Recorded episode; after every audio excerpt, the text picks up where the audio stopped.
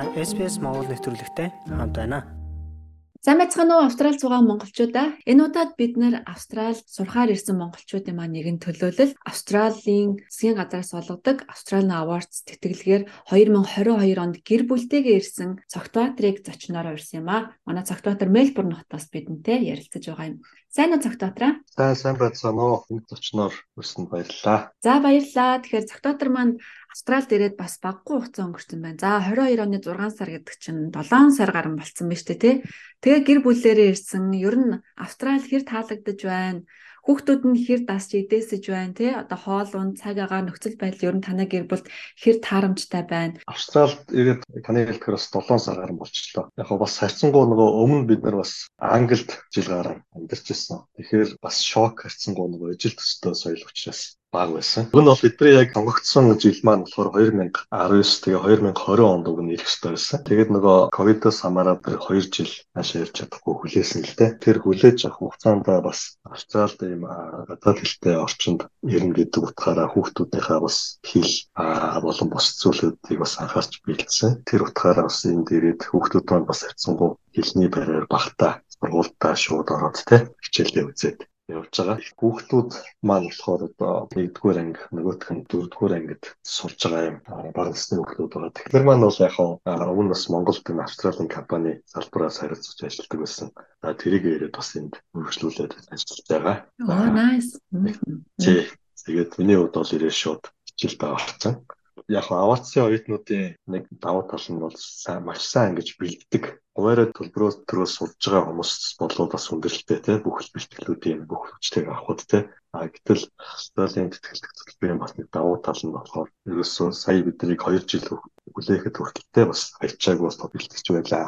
А сая энд 6 сард ирээд 7 сарын дундуур сарын хугацаанд бас академик англи хэлний бэлтгэл гэдэг бүтэн сарын хөтөлбөрт нуруулсан. Тэгээ гих мэтлэн энэ зүйлүүд нь бол нэлээд нөгөө хэрэгэд дасан зохицох, аа соёлын шокгүй байх, илүү амжилттай сурах ийм зүйлүүдийг бол олгож өгсөн гэж би хувьдаа бодож байгаа. Тийм шүү. Аварцаар ирсэн хүмүүс бол бас харьцангуй нуруу тэнгэр байдаг шүү дээ. Өөрийнхөө зардлаар ирсэн хүмүүс сургалтын төлбөрөө олно, хүүхдүүдийн сургалтын төлбөрийг төлнө гэдэг тэд нар бол нэлээд ачааллахтай байдаг. Тэг ямар ч байсан цогтоотрын хувьд яг хэдэн жилийн дараа дахиж оюутан болж суралцаж эхэлж гээ. За Мельбурний их сургууль ер нь хэр хүнд юм байна? Сургууль хичээлийнхаа тухайд эхний удирдал ер нь ямар сэтгэлдтэй төгсөв? Яг миний бакалаврын боловсрол бол Улсын их сургуульд социологчдын мэрэгчлэр 2006 онд төгсчихсэн. Тэрнээс хойш 2015 онд Англи явах үед бас нэг дипломын төвшний сургалтанд бас нэг жил орчим мөрөгчсэн. За тэгээд одоо гэхээр ерөөхдөө бол бас яг хамгийн сүүлийн арай урт хугацааны сургалттай харьцуулах юм бол нэг 7 жилийн дараа гэх юм бол дахиад сурж байгаа. Яг магистрийн төвшөнд суралцаад одоо бусад олон улсын international уятуудтай харьцуулахад насны хувьд бол бас арай ахмадтай орчин шүү.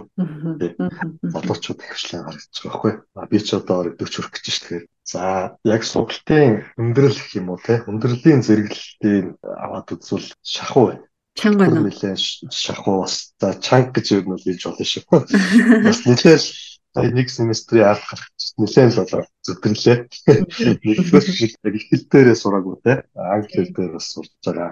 Тэр хэлний барьер бол бас тодорхой хэмжээнд бол байна одоо бүрэн бүх зүйлүүдийг catch хийхэд бол бас мэдтэй. Гэхдээ яг давуу давуу тал нь өмнө хэлний батсан гэдэг бас би шаардлага хаад ирсэн учраас академик болсон доо сураад ирэх хэмжээнд хүссэн байна гэж бол өөрийгөө бодсон. Аа зүгээр яг хоо сургалтын арга барил системийн бол баг зэрэг ялгаа харагдсан байна лээ.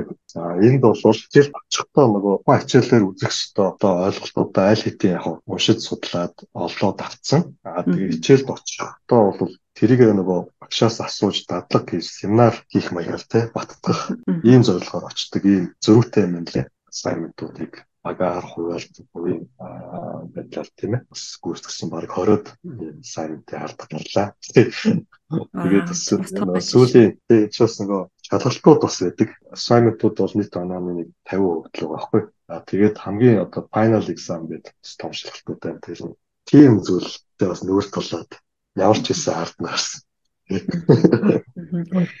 За тэгэхээр энэ оны хувьд бол Австралийн Австралийн аварц тэтгэлгийн 2023 оны эсэлд эхэлсэн байна. Тэгэхэд яг энэ тэтгэлгээр Австрали дээр сурахыг сонирхож байгаа олон хүмүүс энийг сонсож байгаа гэж бодож байна. Тэгээд ер нь энэ тэтгэлгийн тухайд хоёулаа хүмүүст баг зэргийн мэдээлэл өгвөл За энэ тэтгэлэг бол үндсэндээ ирээдүйн байн дэлхийн манлайлагч нарыг те бодлого тодорхойлох энд одоо импакт зүйлэх хүмүүсийг бэлтгэж зориулагдсан тэтгэлгээ гэж одоо тэтгэлний хэлбэртээр танилцуулсан гэдэг. Тэр утгаараа бол яг уу яг Монгол талаас ингээд аваад үзвэл тэр Монголын Монгол улсын одоо хөгжил дэвшилт тухайн нэг одоо улсынхаа тодорхой нэг салбарын хөгжил дэвшилт одоо тодорхой хөв нэмэр оруулж байгаа.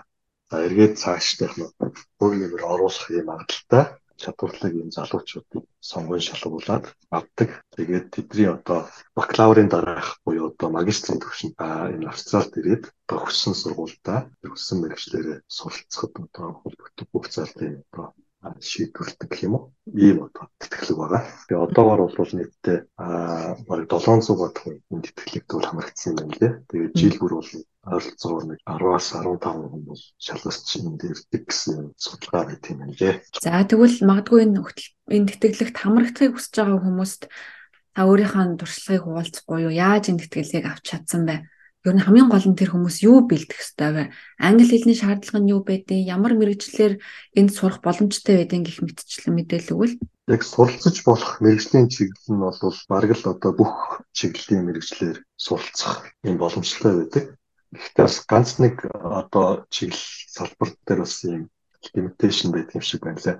Жишээ нь одоо нөгөө зэрэг зэрэг зэвсгийн чанартай ч юм уу те ийм чиглэлээр суралцах гэдэг нь хэрэгтэй зүйл юм уншижсэн санагдаж байна. За бусад чиглэл ер нь бүх чиглэл бол дэмжигддэг. Ер нь бол магистрийн төвшөнд сурч байгаа хүмүүсийн хувьд бол өмнө нь жишээлбэл яг ижил төрлийн магистр Монголд ч юм айл нэг улсад сурцсан бол энд яг тэр чиглэлээрээ суралцж болдгоо. Тэрийг өөрчилж суралцахыг бол зөвшөөрдөг. За бас зарим хүмүүсээс асуугаад байдаг би өмнө ингээ гадаадд сурцсан юм а тий. Тэгэхээр гадаад сурсан хүнийг бас дэмждэг юм уу юу гэж асууад байдаг. Тэгэхээр ер нь бол тийм хүмүүс өргөдөл гаргаж өгч болдог. А гэхдээ яг хөө зүгээр өргөдлийн тэр одоо мэдээлэл дээр нь төлбөө одоо нөгөө Монголд сурч төгссөн хүмүүсийг дэмжинэ гэсэн юм бас заалт байт юм лээ. А гэхдээ огт одоо гадаад сурч төгссөн хүмүүсийг дэмжихгүй гэсэн утгатай биш юм лээ. А ер нь бол хөтөлбөрийн шалгуулт маань өөрөө үндсэн ийм хоёр процесс явдаг байгаа. Жил бүрийн 2 сарын 1-ээс 5 сарын 1-ний хооронд эхний шалгуулт явагддаг. Тэр нь бол аппликейшн буюу те нөгөө хөгжүүлээ авах. Цаасан баримтчуудыг авах те За энэ үе шатнд бол онлайнаар тэр өргөдлөө илгээх хэрэгтэй байдаг. Мэдээж энэ дотор олон төрлийн баримтчууд байгаа. Тэдгээс бол яг анхаарах зарим баримтчууд нь юу гэхээр statement of purpose гэж яриад байгаа. Ямар зорилгоор та энд Австралийн тэтгэлэг төлбөрт хамрагдах гэдэг юм бэ? Гэдгээ үндэслэж бичсэн ийм материалыг бэлдэж өгдөг. За тэрийг бол нөгөө яг аппликейшнаа бүглэхэд систем дотор юм дөрвөн төрлийн асуултаа асуултаар дамжуулж тэрийг авдаг байхгүй юу? Тэгээ тэрийг бэлтгэх нь бол хамгийн чухал хэсэг гэж би бол бодож байгаа бас материалтай харьцуулахад тэгэхээр тэн дээр бол яг одоо гол анхаарах ёстой зүйлүүд нь нэгдүгээр нөгөө та яг ямар чиглэлээр жишээлбэл Австралид их сурах гэж байгаа юм те. За тэгвэл яг тэр Австралид энэ чиглэлээр ирж сурж байгаа чинь эргээд Монгол улсад яг ямар ач холбогдолтой юм те таны одоо өмнө олон одоо хийж байгаа ажил ба магадгүй ирээдүйд хийхээр төлөвлөсөн ажилд чинь одоо тухайн сонгосон чиглэл чинь яг ямар импакт үзүүлэх юм гэх мэтлэн ийм зүйлийг маш ингэж үнсэл сайтаар гаргаж бичих хэрэгтэй байдаг. А миний хувьд ингээд олон улсын бизнес гэдэгтэй ийм чиглэлээр одоо Мельбурн их сургуульд сурахаар төлөвлөсөн байж шүү дээ тийм ээ. А суралцгаа нэрсэн байна. SPS Монгол хэлээр бидний нэвтрүүлгийг Facebook сошиал хуудасаар бусдаа хуваалцаарай.